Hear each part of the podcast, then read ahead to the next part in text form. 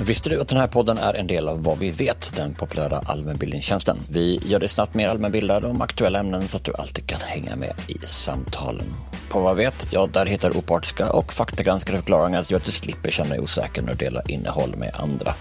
Och så slipper du också åsikter och spekulationer utan får bara veta vad vi vet.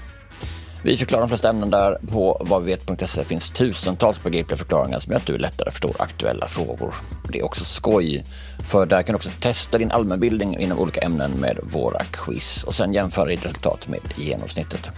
Så om du vill bli mer allmänbildad snabbt, gör som över en halv miljon svenskar som använder sig av Vad vet varje vecka. Och just nu, ja, då har jag fått möjlighet att ge mina lyssnare ett specialerbjudande som innebär att du bara betalar 9 kronor i månaden de första två månaderna. Och då, då får du en basprenumeration med obegränsad tillgång till allt.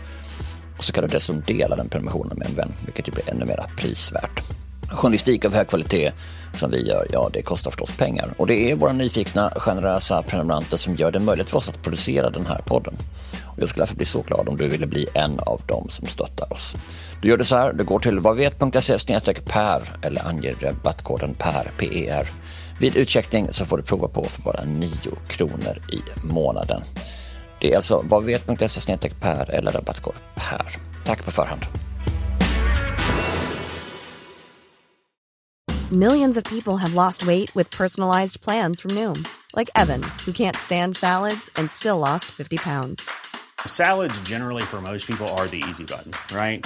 For me, that wasn't an option. I never really was a salad guy. That's just not who I am. But Noom worked for me. Get your personalized plan today at Noom.com. Real Noom user compensated to provide their story. In four weeks, the typical Noom user can expect to lose one to two pounds per week. Individual results may vary. When you're ready to pop the question, the last thing you want to do is second guess the ring. At Bluenile.com, you can design a one of a kind ring with the ease and convenience of shopping online. Choose your diamond and setting. When you find the one, you'll get it delivered right to your door. Go to Bluenile.com and use promo code LISTEN to get $50 off your purchase of $500 or more. That's code LISTEN at Bluenile.com for $50 off your purchase. Bluenile.com code LISTEN. Från vad vi vet, det här är Perspektiv med mig Per Granqvist. Så fort man som börjar veva sitt eh, gamla vanliga judehat så förpassas man verkligen som bort från som den politiska arenan, alltså man diskvalificerar sig själv. Nationalromantik är en sak, nationalism en annan. Den ena hyllar ideal, den andra vill bevara vissa saker. De är likväl två grenar på samma träd och stundtals är uppdelningen inte så tydlig. Nationalismen kan också förstås som en ideologi vars ena ansikte är en vurm för det svenska och vars andra ansikte är ett förakt för det icke-svenska, det, det utländska och, och vad det hotar att göra med det som då betraktas som svenskt. För att sätta den svenska nationalismen i perspektiv bjöd jag in David Bas. Han är reporter på Expressen och har granskat den nationella rörelsen i Sverige i över ett decennium och har fått ett drös välförtjänta priser för sitt arbete. Han har även skrivit flera böcker om detta ämne. Nu senast boken Segra eller dö. Det här blev ett intressant samtal om nationalismens nollpunkter, rötterna i det gamla Sverige och varför inte Socialdemokraterna, som ju ändå byggde folkhemmet, inte vill dra nytta av den nationalistiska vågen på 80 och 90-talet och hur först Ny Demokrati och sen Sverigedemokraterna istället lyckades att dra nytta av detta. Jag ska också säga att det här samtalet spelas in live inför publik, varför ljudet på sina ställen tyvärr är lite svajigt. Förlåt för det. Innan vi börjar, om du inte redan prenumererar på podden, passa på att göra det nu för att inte missa kommande avsnitt. Som alltid, du når mig på perspektiv vadvivet.se. Och då är det dags för David Bas. Du beskriver ju i boken ett slags nollpunkt för populariseringen av främlingsmotstånd, en slags urhändelse. Det är där boken börjar. Och det är då en händelse som ägde rum i slutet av februari 1980 i Södertälje när en demonstration mot tilltagande invandring ägde rum. Och där är det flera demonstranter som uppträder med hemmamålade skyltar hängande runt halsen. Och på de skyltarna står det “Bevara Sverige svenskt BSS”. Och det här budskapet symboliserar då att en brytpunkt hade skett, om jag förstår dig rätt i boken. Alltså borta var det tidigare eh, nazistiska eller halvnazistiska organisationer som tidigare dykt upp i, i Södertälje på andra ställen och, och, och demonstrerat. Borta var också snacket om rasrening. För istället skanderade ihop en sak som att stoppa den illegala invandringen och eh, begränsa den utomnordiska invandringen. Och man vänder sig alltså mm, inte mot invandrarna utan mot politikerna som ansvarar för politiken. Varför är den här händelsen så viktig? Ja, jag skulle säga att den är viktig av flera skäl. Mer så att man som hade verkligen insett att eh, som den nationella rörelsen hade haft stora problem och det är inte konstigt att föreställa sig sådär under efterkrigstiden att eh, som den typen av högernationalism inte var politiskt gångbar överhuvudtaget då efter kriget. Den som kopplades samman med att den var som väldigt hatisk, aggressiv och inte minst kopplades samman som med fascismen och nazismens eh, illdåd under kriget. Och det var ju inte svårt för dem att inse att, att det var ett problem som man blev tvungen att hantera på något sätt. Och då var det eh, som flera saker som man då försökte komma runt eller städa bort. Och en sak var den här som verkligen tydliga kopplingen till att man som inte längre ska hänvisa så jättetydligt till, till ras till det begreppet. Och så här, att hänvisa till rasbiologi var ju eh, verkligen inte gångbart. Men också just det här att man som ska sikta in sig på att problemet är invandringspolitiken eller politikerna som står bakom invandringspolitiken istället för då invandrarna i sig. Det var ju också ett sätt att försöka komma bort ifrån den här stämpeln att man som är hatisk att man som går på enskilda personer då, utav kanske då mörkare hudfärg. En annan viktig del var ju också att man hade under flera decennier kopplat samman med någon slags eh, antidemokrati. Så det var ju också någonting som man ville verkligen komma runt. Ett viktigt sätt att eh, då helt enkelt gå ut på gatorna som man gjorde vid det här tillfället i februari 1980 i Södertälje. Eh, helt enkelt så där att man ville få igång en politisk debatt om det här. Att eh, ett mål var att visa att man är som ute efter just en fri debatt om de här frågorna. Så för första gången hade alltså den moderna nationella rörelsen på allvar tagit klivet ut ur skuggorna och trätt ut i offentligheten. Det är så vi ska förstå det. Ja, men så är det ju. Alltså de här tankarna, de hade ju funnits tidigare. Ett slags embryo till det fanns redan i den här Malmörörelsen som den kom att kallas, alltså där då Per Engdahl, som fascistnestorn i, i Sverige, blev en slags eh, förgrundsgestalt, alltså när han då samlade, vad ska man säga, spillrorna utav som eh, fascister och gamla övervintrade nazister från hela Europa för att som, ha någon slags eh, nystart i det där. Så att de tankarna hade ju som börjat gro där, fast jag skulle säga som för svenskt vidkommande så var det typ året före, alltså 1979, när just nämnde Per Engdahl som präntade ner det här i sin egen tidning Vägen framåt. Och man kan ju se det som en liten sån här obskyr tidning som, som riktade sig till ganska få personer. Men om man befann sig i miljön i den här rörelsen så var det som ändå en väldigt central tidning. Och även om han själv, Per Engdahl, som kanske inte kunde som samla till några stora demonstrationer eller som mobiliserar folk på det sättet, så hade han ändå funktionen som en slags eh, överideolog. Så att det var ju verkligen folk som, som lyssnade på honom. Men det är en sak att ha tankarna, det är en annan sak också att kunna omsätta dem i som praktisk politik eller, eller i alla fall en politisk rörelse som finns på riktigt. Du säger den moderna nationella rörelsen och det kanske vi ska göra en liksom, liten historisk utvikning om den gamla nationella rörelsen. Det här är ju en, en strömning som mm, påverkar hela Europa kan man säga. Det är ju 1800-talet när nationalismen får sin egentliga utformning och för det är under det här århundradet som industrialismen som bryter igenom Europas länder. Och vi kan ju se hur flykten från landsbygden börjar, att fler människor drömmer sig tillbaka till landet, naturen, de gamla sederna och så finns det en nostalgi runt det här som blev en viktig del av den nationalkänslan som börjar växa fram i nästan alla de industrialiserade länderna. Och då kan man se hur den rastlösa jagade storstadsmänniskan längtar tillbaka till någon slags fridfull lantlighet som man tänker sig. Och det här gör man både i Sverige, Danmark, Holland, Frankrike, Ungern, Polen, Tyskland, Storbritannien. Alltså överallt kan vi se det här, hur man längtar bort från storstadens fabriker till hembygdens skogar och hedar och berg och dalar, antar jag. Och vi kan också se liksom att vi har naturromantisk konst och lite här drömsk försjunkenhet i olika stämningar och hembygdsromantik. Och det här ska vi sen sätta mot en bakgrund av att nationen blir allt mer betydelsefullt här, inte minst av att en rad mindre stater sammanfogas till just en nation under 1800-talet.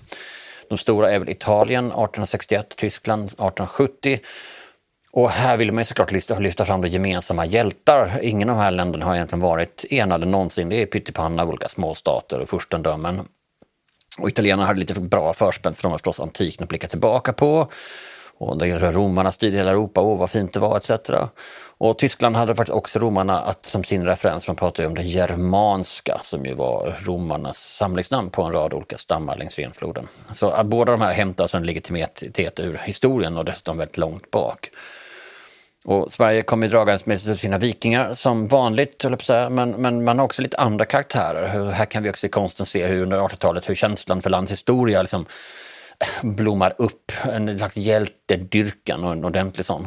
Man kan bara gå på Nationalmuseum och se den här hjältehistorien. Ta mm, Carl Larssons Gustav Vasas intåg i Stockholm, den som hänger i stora hallen där. Vi har eh, Gustav Hellqvist, brandskattningen av Visby när man har, gör motstånd mot främmande makt och så förstås som Karl XIIs likfärd av Gustav Cederström som allihopa hänger där och vill romantisera. Och jag kanske också ska lägga in till här också, att här under första världskriget så finns ju nationalismen, den förenas också med en slags dödskult, att dö för nationen är den härligaste av dödar. Ingen vanlig död utan något som är som gudomligt upphöjt avslutningsvis kan man också säga det här att liksom den här liksom nationalismen och den aggressiva nationalismen den, den ser likadan ut i hela Europa, alltså inte bara Italien och Tyskland som ser likadant ut. Det egna landet hade alltid rätt och gick alltid före alla länder. Nationen var allt, individen, ingenting. Och här kan vi titta också några, liksom lite före historien har vi som det brittiska imperiet och som holländska imperiet, sånt som där man redan har haft här, man ju har omsatt det här till handling när man har helt enkelt kolonialiserat runt om i världen. Så det är ur det här som den slags första nationalistiska rörelsen föds och då är det storvulna ideal, det har fascismen i Italien och så har vi då slutligen nazismen i Tyskland som är mest kända. Och nazismen är ju för övrigt en förkortning av nationalsocialismen, så där kommer ju det där igen.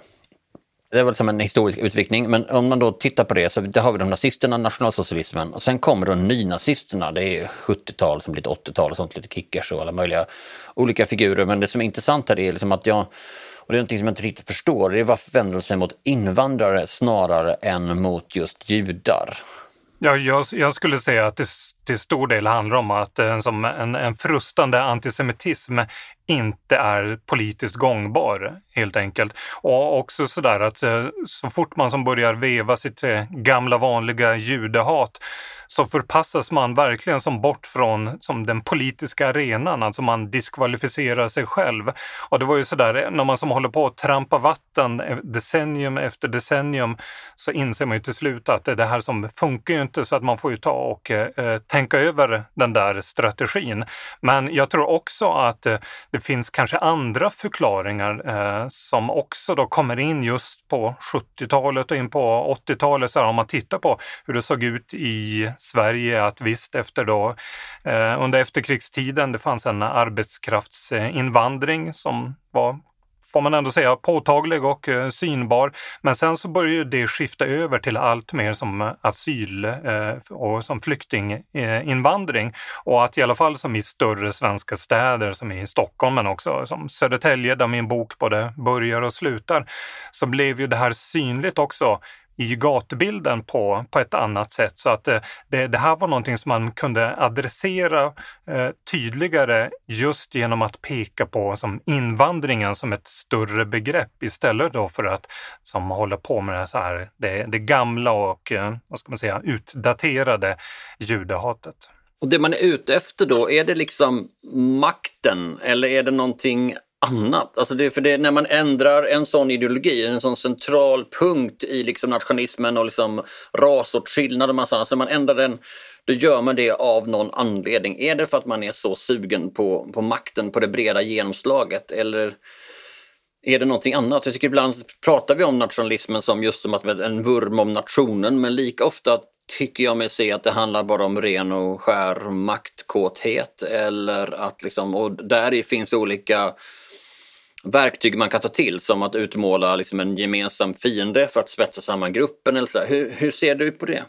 Ja, jag tycker som att det är viktigt ändå att, eh, att betona att i den nationella rörelsen så har som judehatet alltid alltid funnits där. Alltså att det har alltid funnits grupper där det har varit otroligt centralt. Så att det är inte det att det som har försvunnit bort från alla som kallar sig nationalister, även om man som kanske använder lite olika etiketter. Så att eh, judehatet har ju funnits där. Men om man vill som nå någon slags politisk framgång, om man vill få något slags eh, inflytande, så är ju det inte gångbart. Så att då är det ju mycket bättre att de fokuserar på andra saker, fokusera på invandringen, också då kunna göra det som vi pratade om tidigare, att man då kanske fokuserar på som invandringspolitiken istället för invandrarna, just för att som komma bort ifrån som den här stämpeln av att vara hatisk. Och det här är då det som Per Engdahl skriver i den där artikeln om, som är en slags modern eh, programförklaring till moderna nationalismen som 79 då va. Det är väl också här han också tar fram de här kulturella argumenten eller nationella beteendemönsterna har jag för mig att du, eh, att du kallar dem, eller han kallar dem i, i, eh, när du skriver i boken. Alltså, här ska lyfta fram förklaring till varför människor från andra grupper inte ska leva till Sverige är liksom den, den, den kulturella aspekten av det. Och när jag läste det så tänkte jag på en annan sån tänkare på den nationalistiska skalan, av, i mer modern skala, nämligen Steve Bannon Breitbarts frontfigur som ju alltid pratade ofta om att liksom kulturen ligger uppströms från politiken. Vi måste börja i kulturen och sen på så sätt kan vi påverka politiken. Finns det en liknande argumentation hos eh, Engdahl också eller är han liksom lite mindre strategisk på det sättet vad Steve är? Per Engdahl var väl kanske inte modern på, på det sättet men det är klart att eh, Säga vad man vill om Per Engdahl, han var ju som ändå en ganska beläst man eh, och så, att det fanns som en, en kulturell klangbotten i, i som hans eh, eh tänkande. Men de instruktionerna som han kom med där var ju ändå ganska så handfasta och de var enkla i sina som, eh, i begripligheten. Det var som ett, ett recept som var hyfsat lätt att, eh, att följa. Alltså det var inte så jättemånga krusiduller utan som det var fokus på några få frågor eller som att man skulle ändra vissa få saker för just att komma bort de här hindren som man hade eh, då levt med i flera decennier. Men eh, just den där tanken som Steve Bannon har och det är ju sådär, den kan väl spåras eh, till så här franska nya högern som på 60 och 70-talet som eh, den utvecklades. Och den har ju funnits inom den nationella rörelsen, kanske framförallt på senare år. Och då brukar man ju ofta som peka på att ja, men den har väl framförallt funnits inom 68-vänstern och att det är inspirationen eh, därifrån som man lutar sig mot och det är som det som är idealet och att man vill, själv vill göra som en liknande resa som arbetarrörelsen har gjort tidigare. Just för att som kunna bli en politisk kraft utöver att som bara sitta i parlamentet eller som vara del av ett regeringssamarbete, utan man vill verkligen förändra samhället på ett mer grundläggande sätt. Och då måste man sikta in sig på kulturen. Samma år eh, skriver, sprids det olika pamfletter och flygblad där man skriver, inspirerat av Engdahl, att invandringen hotar Sverige. För varje år blir svenskarna allt färre och invandrarna allt fler. Vilket är naturligtvis korrekt i sak, men proportionerna stämmer ju inte riktigt. Uh, om det kommer in en så blir det uppenbarligen fler uh, av en invandrare av en total befolkning. Liksom. Men, och sen skriver man också att fyra generationer bort finns inget svenskarnas Sverige. Uh, så det här bollar man upp någonting. Liksom. Men om vi skulle gå ett lager djupare i den här rädslan, den här dystopin, i det här liksom, framtidsscenariot som man då hoppas ska tilldra sig nya väljare. Vad är de där egentligen rädda för? Är det att förlora makt? Är det att förlora privilegier? Eller vet de inte riktigt vad de är rädda för? Utan det är, här är liksom en, en helt enkelt ett rent populistiskt budskap. Alltså jag skulle inte säga att det är ett rent populistiskt eh, budskap utan de som jag har tittat närmare på så skulle jag nog säga att det som är, är djupt känt och den stora faran som man ser det är helt enkelt att nationen ska gå under. Den svenska nationen ska gå under.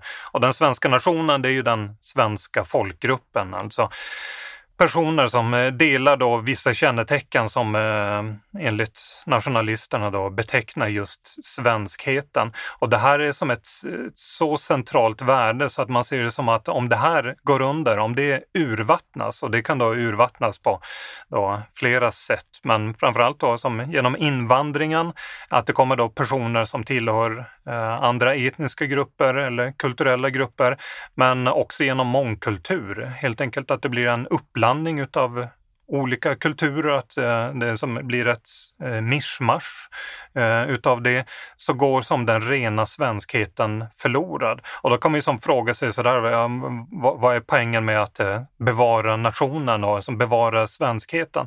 Det är just det att man ser det som det absolut mest grundläggande värdet i ett samhälle att vi har den här gemenskapen. För det är som grunden för att vi som ska vara ett, ett välmående samhälle, ett harmoniskt samhälle, ett ett samhälle som med ett eh, minimum utav konflikter. Så att om vi ska kunna leva i harmoni och eh, ha det bra så är det en förutsättning att vi är lika varandra, att det finns en homogenitet. Så att det, det finns som ett, verkligen ett centralt värde i det där som man jag då tror på allvar att man är oroad för att det är ett värde som eh, är hotat och just det att eh, om nationen går under så är det ingenting som man kan återskapa utan det är ett värde som, som går under för all framtid. Om man tittar på den här eh, demonstrationen eh, och BSS argument i allmänhet som fokuseras på invandringsfrågan. Argumenten handlar inte längre om ras eller kultur. Nu är det 80-tal och då känns det 70-tal och eh, taktiskt fel. Så invandring kopplas ju då som säger till de drabbades samhälle och vanlingsfolk ekonomi. Och du skriver i boken sammanfattningsvis att om man skiter i att bevara folkstammen ren så kan man i alla fall låta sig argumenteras av oron för plånboken. Alltså det är dyrt att ta emot invandrare och det här är argumentet eh, förs fram fram. Sju år senare så höll man ett möte på Medborgarhuset i Södermalm där, man, där en av de ledarna för BSS krävde omedelbart stopp för invandring och att de som kommit hit efter 1960 ska kastas ut. Vad är det egentligen som har hänt under de där sju åren från det första mötet till det andra mötet på, på Medborgarplatsen? Ja, alltså när man drog igång BSS så hade man ju då en, en uppfattning om att man som utifrån, alltså som en gräsrotsorganisation, skulle kunna påverka politiken. Helt enkelt att man skulle få upp frågan, invandringsfrågan, på den politiska agendan, att eh, politiker skulle tvingas svara på frågor om varför de har agerat som de har gjort och som ställas till svars för hur det såg ut i Sverige. Sen så gick ju åren och eh, utifrån då BSS-arnas synvinkel så gick utvecklingen inte åt rätt håll. Tvärtom, utan eh, som invandringen ökade så att eh, efter ett tag så insåg man att om det ska verkligen kunna, om man ska kunna få något slags politiskt inflytande så kanske man måste bilda ett eget parti. Och att bilda ett parti, det är ju inte det lättaste. Vi ska ju komma ihåg att det här var ju Eh, då i början och mitten utav eh, 80-talet. Det var inte så vanligt att det bildades nya partier då, framförallt inte då partier som eh, hade nått, eh, nått riksdagen. Eh, så att det, det, var ju som ett väldigt eh, stort steg, men som efter då flera år där man som hade harvat på med de här flygbladsutdelningarna och gett ut de här tidningarna och sånt utan att det egentligen hade påverkat politiken så ville man ta det här steget och bilda ett parti.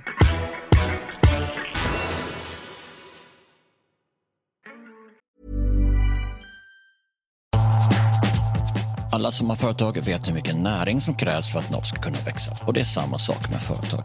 Kapital är den näring som behövs för att din firma ska kunna växa sig större.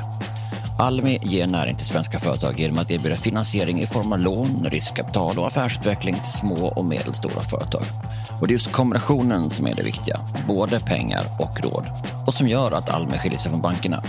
Så om du behöver näring, hör av dig till Almi. De finns över hela Sverige och har kloka rådgivare nära dig som både förstår din bransch och din region.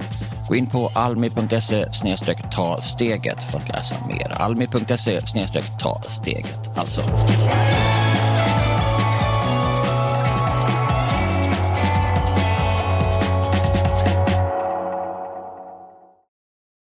Say hello to a new era of mental health care.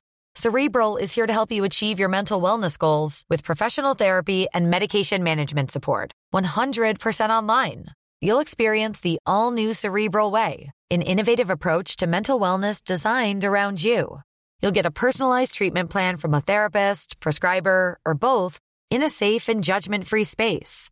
Your cerebral therapist or prescriber will outline a customized plan with clear milestones along the way so you can get to feeling your best. With Cerebral, you're not alone in your mental health journey. We're here to empower you to live a fulfilling life. So take that first step towards a brighter future and sign up today at cerebral.com slash podcast and use code ACasts to get 15% off your first month. Offer only valid on monthly plans. Other exclusions may apply. Offer ends July 31st, 2024. See site for details. Introducing Wondersuite from Bluehost.com.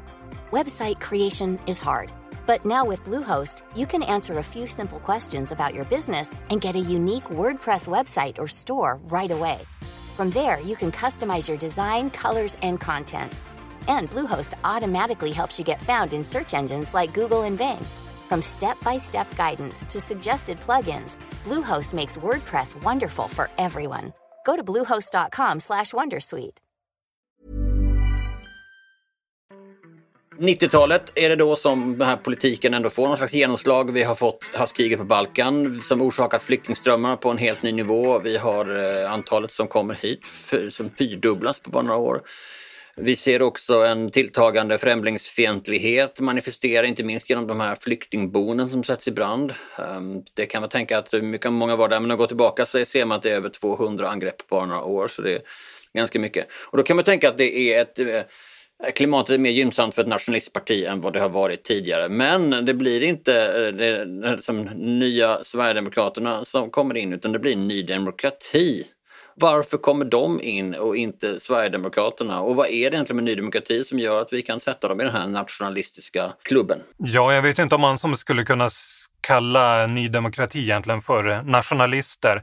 Men de eh, siktade in sig helt klart på invandringspolitiken och att det som skulle vara en, en mindre generös invandringspolitik. Men jag skulle snarare säga att Ny Demokrati var som ett mer av ett så här klassiskt eh, högerpopulistiskt eh, parti minns ju säkert vad det var. Det var ju som färre lapplisor och sänkta skatter och minskad byråkrati parallellt med då att man eh, eh ville minska invandringen. Men det är klart att det fanns invandringsnegativ våg i Sverige på den tiden.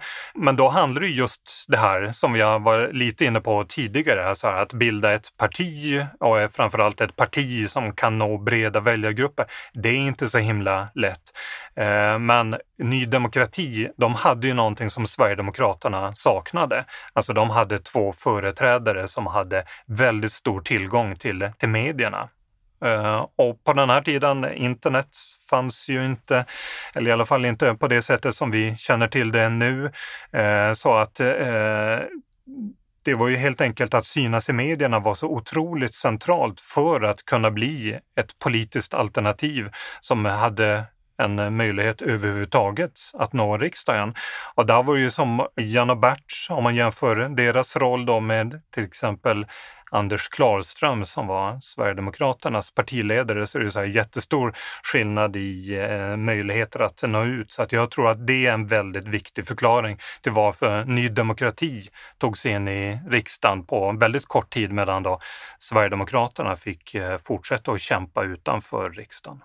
Men ansågs Sverigedemokraterna vid den här tiden vara befläckade av att de hade sina rötter i den nationalistiska rörelsen på olika sätt? Att det var folk som tidigare varit aktiva där som nu var aktiva här och i vissa fall parallellt. Var det det som gjorde att de inte slog igenom i media eller att media ville befatta sig med dem? Eller var det bara helt enkelt så att Ian och Bert var liksom kändare och eh, skojigare och kunde leverera på ett annat sätt? Alltså var det en kontakträdsla eller var det bara att liksom medieskugga?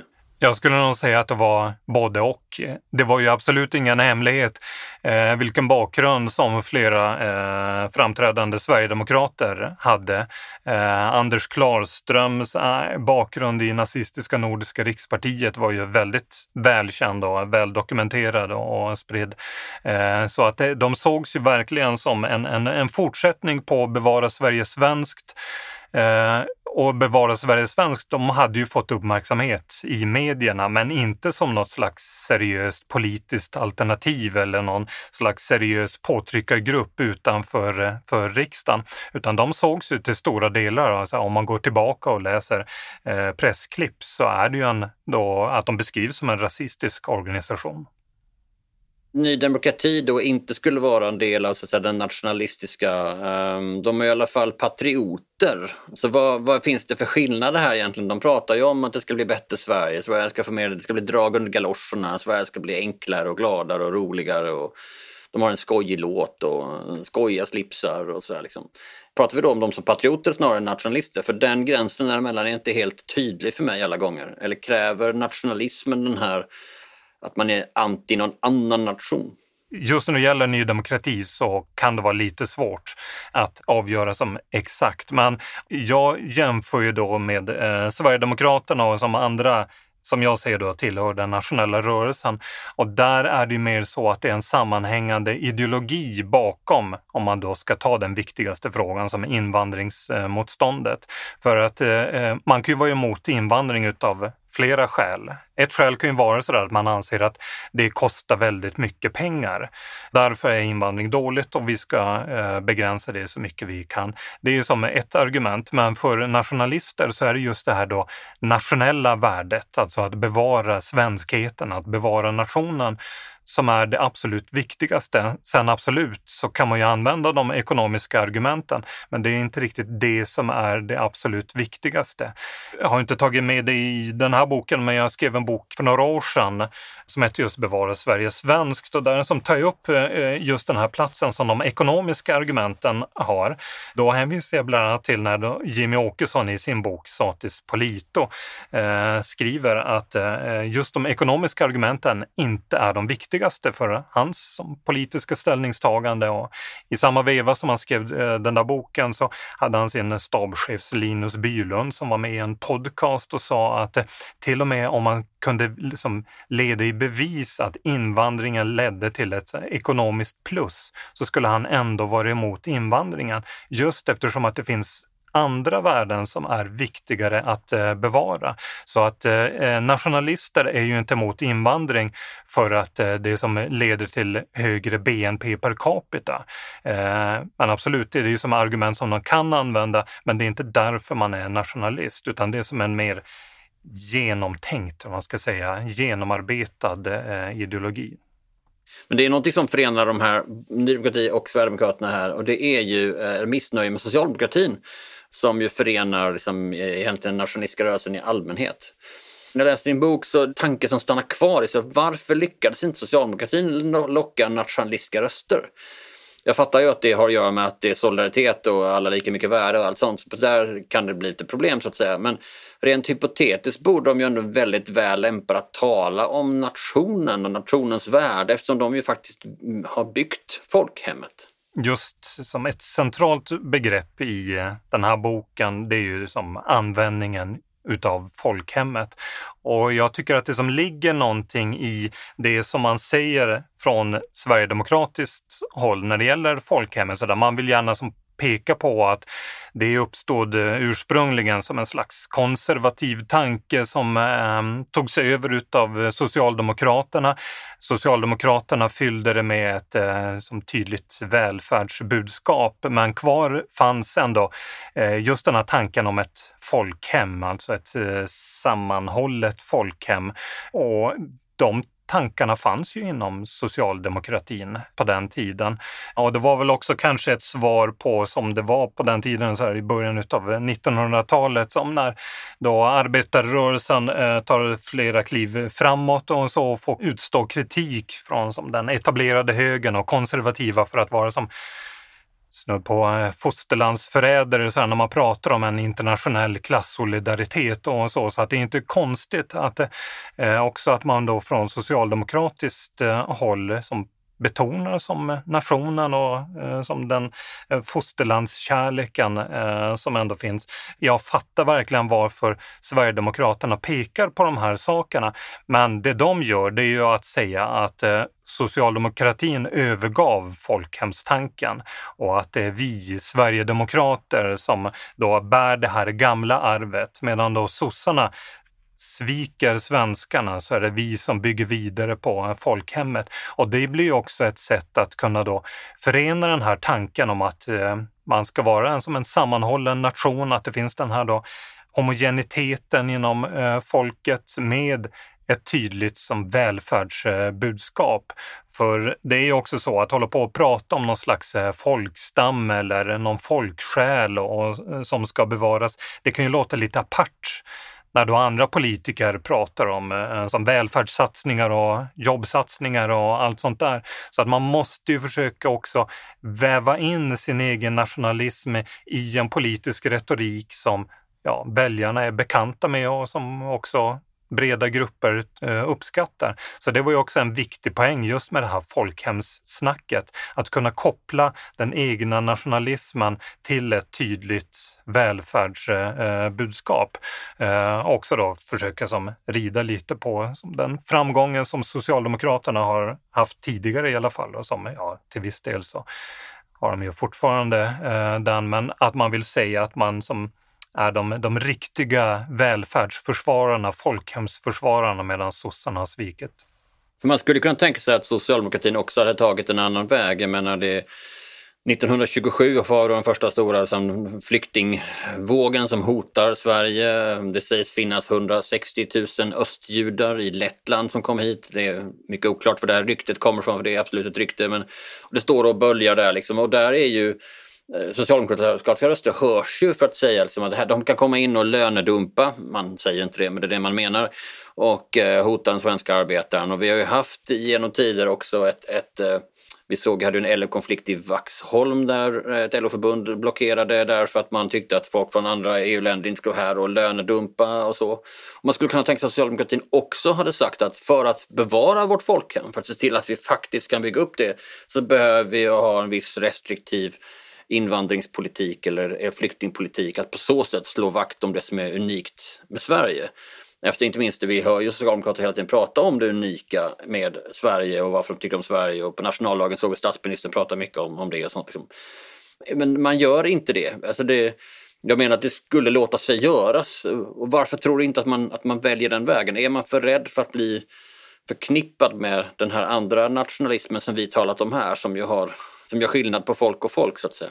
Visst kan det finnas ett eh, sånt inslag, helt enkelt att man som vill eh, fjärma sig så mycket som möjligt ifrån som den nationella rörelsen och som är då en politisk strömning som verkligen har haft en pariastämpel eh, efter då andra världskriget under flera eh, decennier.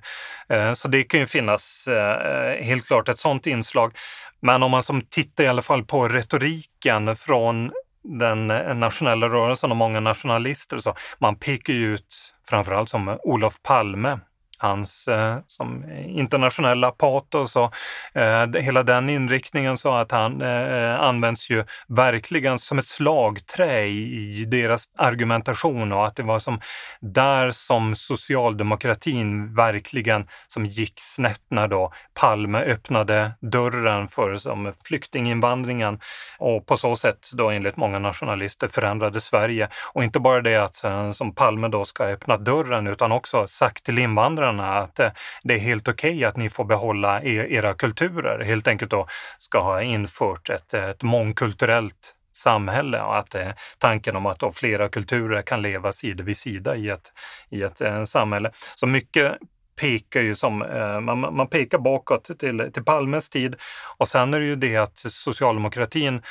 det finns ju så här stora skillnader mellan Göran Persson och Olof Palme och så, men eh, socialdemokratin har ju som ändå levt med arvet efter Palme eh, efter det. Så att titta på en sån som Mona Sahlin, hennes politiska gärning, hennes eh, verkligen engagemang för invandrarkulturer och som öppenhet och, och, så. Det kan man ju också se som en fortsättning på, på den eh, politiken som Olof Palme drev.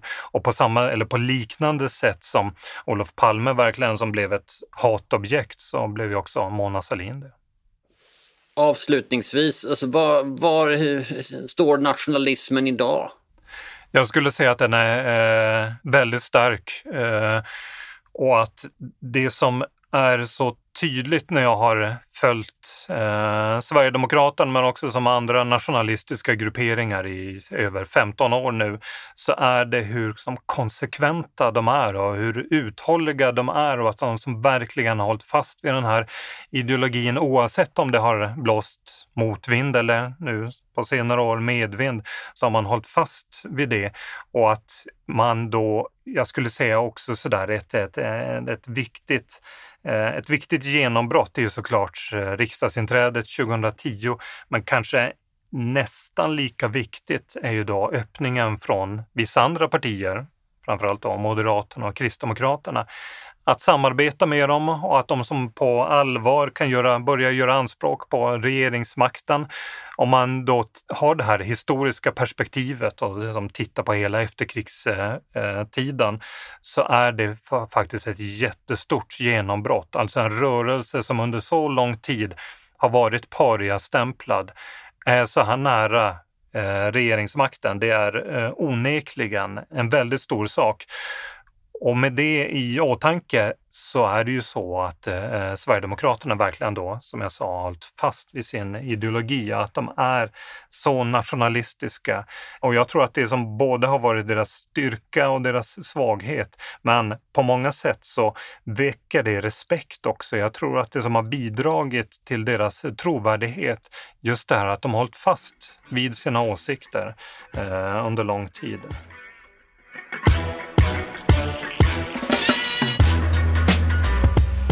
För den som vill fördjupa sig mer om det här ämnet, vilka tre böcker har inspirerat dig på det här området? Den första skulle jag säga som har blivit något av en klassiker, eh, Benedict Andersons den föreställda gemenskapen, som jag tycker är en som verkligen så här tankeväckande. Den handlar ju om det som du var inne lite på det där som nationsbildandet, hur man skapar en nation.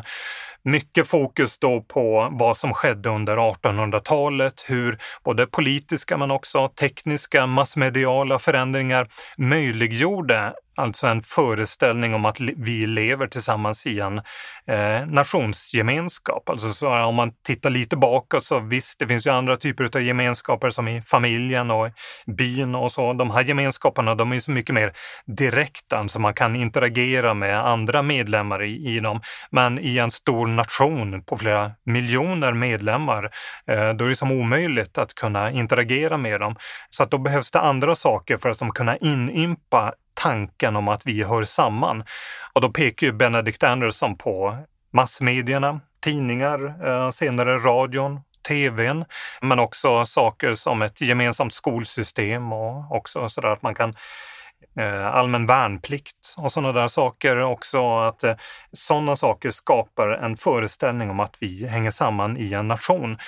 Och det som är viktiga att ta med sig därifrån, det är väl kanske just att det är en uppfinning, alltså att det är en politisk uppfinning. Det är som inte är givet av naturen eh, det där, utan att det, det, är någonting som måste skapas på ett sätt. Det tycker jag är verkligen en tankeväckande bok. Eh, sen så har jag också en, en person som är lite av en huvudperson i, i min bok. Det är Leif Ceylon. BSS-grundaren som var med och grundade Sverigedemokraterna. Han har skrivit en väldigt intressant bok får man kalla den, eh, BSS, ett försök att väcka debatt. Den här boken är väldigt svår att eh, eh, komma över, men den finns ju som på KB och vissa universitetsbibliotek. Och det här är ju lite av hans politiska memoarer. Man kanske inte ska läsa den som en slags eh, vad ska man säga, korrekt beskrivning av att eh, exakt så här gick det till.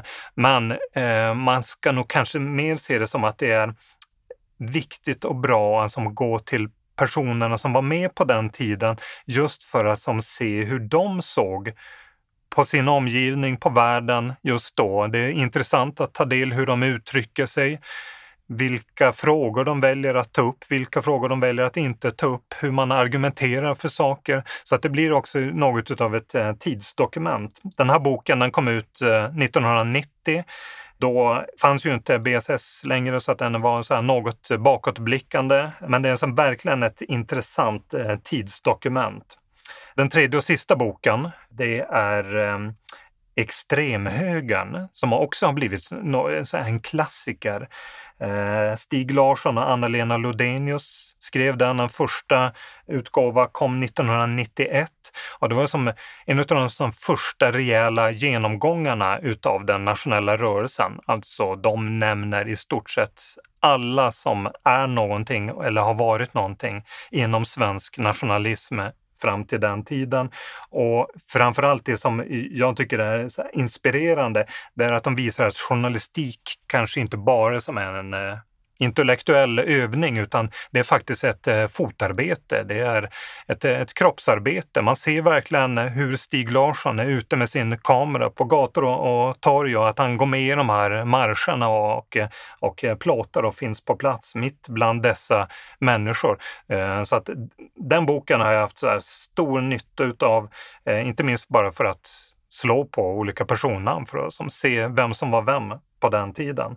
Eh, men också jag skulle säga att det är något av så här journalistisk, en journalistisk eh, förebild som, som fortfarande är gångbar.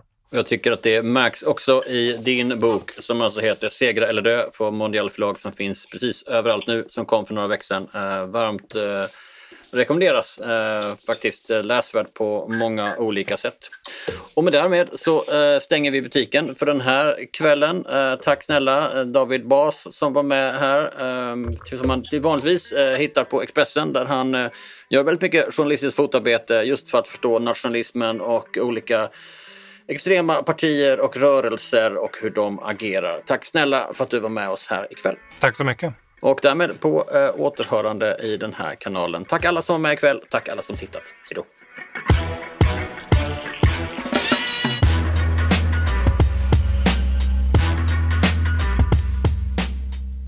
Du har hört David Bas, reporter på Expressen och författare till boken Segra eller dö. Gillar du vad du har hört? Ja, men passa på att ge Perspektiv 5 stjärnebetyg via Apple Podcast eller Spotify. Det hjälper ännu fler att hitta podden. Och så fundera på vilka av dina kompisar som skulle gilla dagens avsnitt. För då tycker jag du ska använda dela-knappen för att skicka det till dem. Dela-knappen i appen. Och delar du i sociala medier, använd då hashtaggen perspektivpodden för övrigt. Det är alltid bra. Då ser vi vilka som delar och det är alltid kul. Producent för dagens avsnitt var Jens Back. Mixningen stod Straydog Studios för och jag heter Per Granqvist. Nästa gång ger vi dig perspektiv på ett annat aktuellt ämne. Vi hörs då.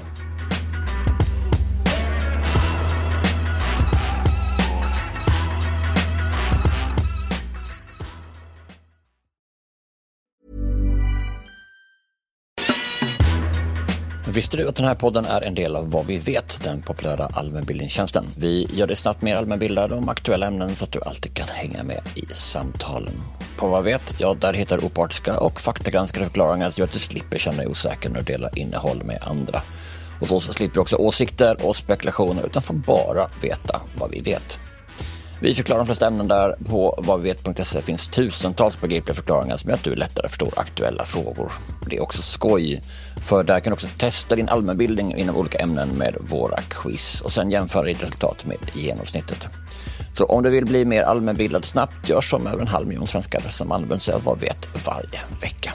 Och just nu, ja, då har jag fått möjlighet att ge mina lyssnare ett specialerbjudande som innebär att du bara betalar 9 kronor i månaden de första två månaderna. Och då, då får du en basprenumeration med obegränsad tillgång till allt. Och så kan du dessutom dela den prenumerationen med en vän, vilket ju blir ännu mer prisvärt. Journalistik av hög kvalitet som vi gör, ja det kostar förstås pengar. Och det är våra nyfikna, generösa prenumeranter som gör det möjligt för oss att producera den här podden. Och jag skulle därför bli så glad om du ville bli en av dem som stöttar oss. Du gör det så här, du går till vadvet.se per eller anger rabattkoden PER, PER. Vid utcheckning så får du prova på för bara 9 kronor i månaden. Det är alltså vadvet.se per eller rabattkod PER. Tack på förhand. Tired of ads barging into your favorite news podcasts? Good news. Ad-free listening is available on Amazon Music for all the music plus top podcasts included with your Prime membership. Stay up to date on everything newsworthy by downloading the Amazon Music app for free or go to amazon.com slash news ad free. That's amazon.com slash news ad free to catch up on the latest episodes without the ads. Botox Cosmetic, out of botulinum toxin A, FDA approved for over 20 years. So, talk to your specialist to see if Botox Cosmetic is right for you.